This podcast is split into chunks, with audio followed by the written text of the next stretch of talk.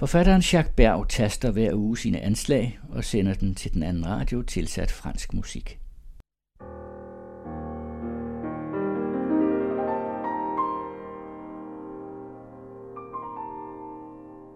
Anslag midt i en coronatid. I den sanitære indespærings Frankrig er det stadig på telefonen, at forfatteren og journalisten Jacques Berg læser egne tekster om verdens gang set fra Lyberon i Sydfrankrig, hvor han har boet i årtier. I denne uge er det historier, udfald og meninger fra Notesbogen 2015 til 2017.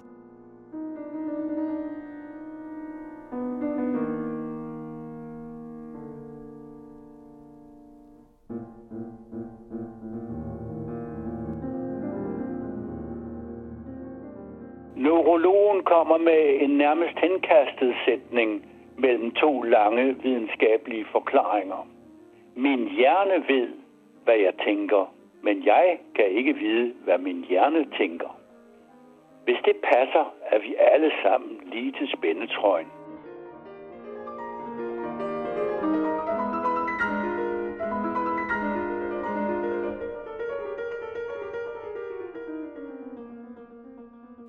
Jonathan Little, forfatter til romanen Le Bienveillante, De Velvillige, har lavet en dokumentarfilm i Uganda, i Republiken Kongo, i Sudan og Centralafrika, om børn, der bliver tvunget ind i The Lord's Resistance Army, LRA, Joseph Konis oprørsbevægelse. Vi taler om 60.000 børn og teenagere, der over en periode på 25 år er blevet kidnappet og skolet i at dræbe. Little opsøger nogle af børnene, hvor de lever i dag. Vi møder således Geoffrey, Mike, Lapisa, Nighty og andre tidligere børnesoldater. De fortæller, hvordan der var i en af verdens mest forrående og brutale militser med en bindegal chef, Coney, der fortsat er på fri fod. Jonathan Little er optaget af det onde som fænomen. Hvor opstår det? Hvem falder for det? Hvordan undgå det? Hvordan overleve? I grunden det samme emne som i hans tykke mesterlige bog, hvor SS-officeren Maximilian Aue, en fiktiv, dybt sand person, fortæller sine erindringer fra 2. verdenskrig. I en samtale på Fransk Kultur forklarer J.L., hvorfor han har lagt musik af Bach i sin film. En komponist, man sjældent forbinder med Afrika, og endnu mindre med en blodig afrikansk virkelighed, som vi i Vesten har valgt stort set at ignorere. Little bruger en barok kristen europæisk komponist til at understrege sin personlige holdning som udenforstående.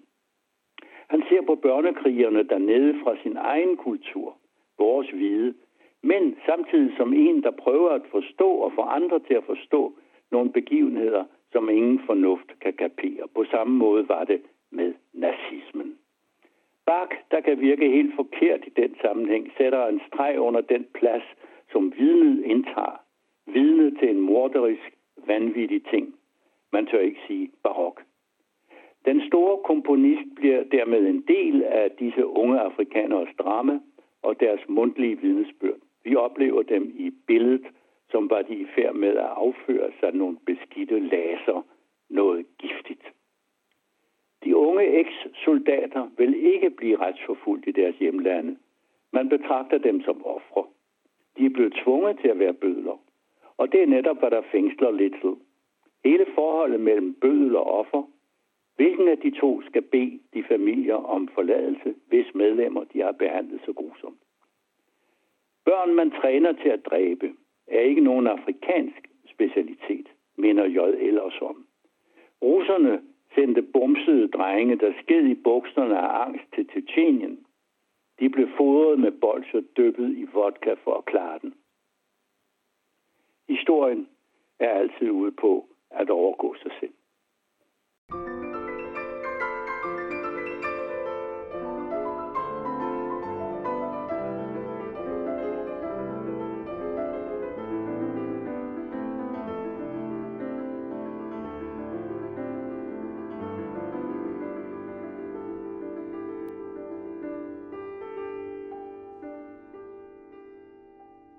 Man opdrætter nu kongeørne til at angribe droner. De mægtige fugle kan bringe de flyvende dimser ud af kurs. Samtidig ligefrem splitte dem ad i luften. I hvert fald få dem til at styrte. Snart vil man så programmere droner til at gå løs på kongeørne. Uden at vide noget om emnet, tillader jeg mig at tro, at dette ville være en anelse vanskeligere. Hvem af de to, ørnene eller dronen, risikerer at miste flest fjer?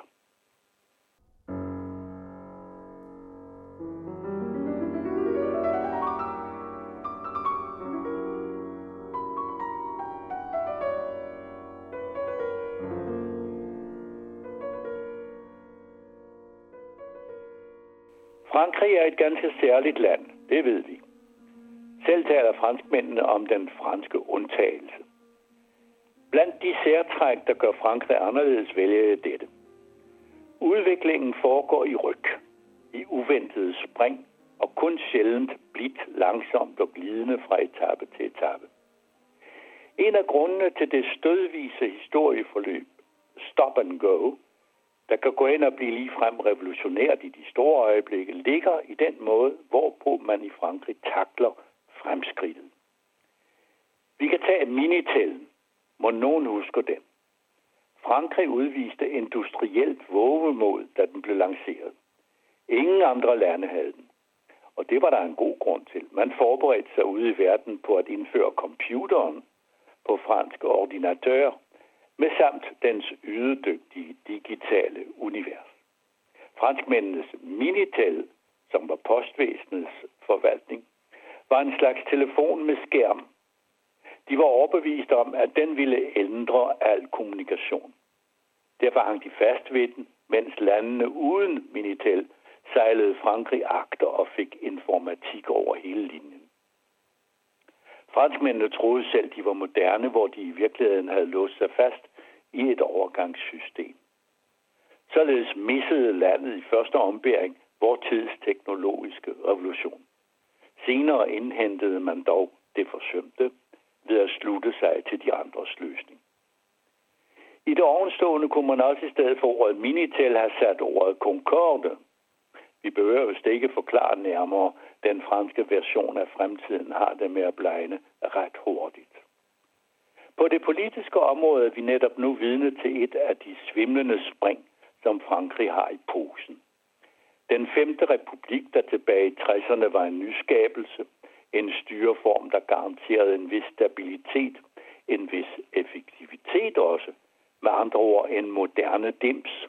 Den republik er ved at gå i selvspind. Den er ved at kvæles. Forvirringen breder sig. En del af befolkningen begriber den ikke længere. Samtidig med, at den historiske de Gaulle, han døde i 1970, og hans tankeverden er ved at blive en vidt udbredt traditionel værdi i alle lag. Vender folk sig fra politik og valgurner, de gamle partier går i opløsning, alle er vrede på alle, mistilliden for akten, hævnfølelsen, ja hadet, tager over. Den femte republik ældes rigtig dårligt. Det er så i det øjeblik noget nyt springer ud af æsken. En ung, veluddannet, kultiveret, forførende, dynamisk og internationalt orienteret præsidentkandidat melder sig på scenen. Alene ved at vise sig får han sine modstandere til at ligne pensionsmodne, udslidte amatører. Hans program taler vi om. Det kan vente. Hans politiske erfaring kommer senere. Han repræsenterer det nye, den længe ventede fornyelse. Han er fornyelsen. Frankrig sukker ubevidst efter at få et andet image. Virke lidt mindre gammeldags. Så lad os hurtigt, så hurtigt som muligt, makronisere landet. Skam få Frankrig, hvis denne neogolistiske wonderboy viser sig at være en ny minital. Så vil Frankrig blot endnu en gang have taget et stort spring ud i en skæbnesvanger fremtid, som allerede er passeret.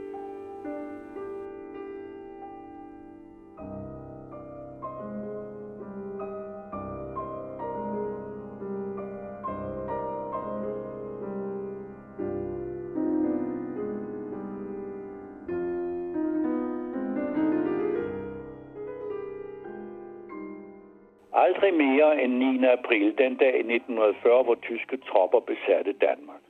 Besættelsen var fem år. De fem forbandede år, som vi sang uden at åbne munden i skolen.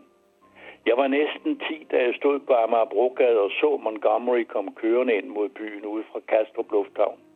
Fuldt af nogle modstandsfolk, for eksempel skuespilleren Ebbe Rode i den danske brigades uniform.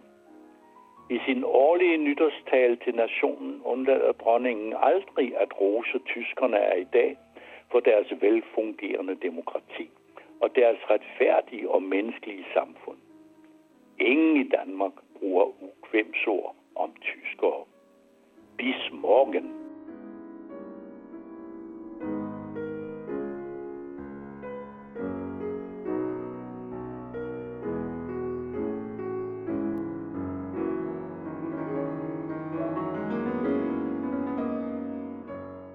Langtidsparet kan hinanden udenad, uden dog at vide ret meget om hinanden. Det er det nemmeste, når man skal leve over 20 år sammen, hvor hver dag kunne hedde det sædvanlige. Det våger han endelig at få sagt, mens hun tykker på en krigspuls og vender sit halvdøve venstre øre til. Lige vidt.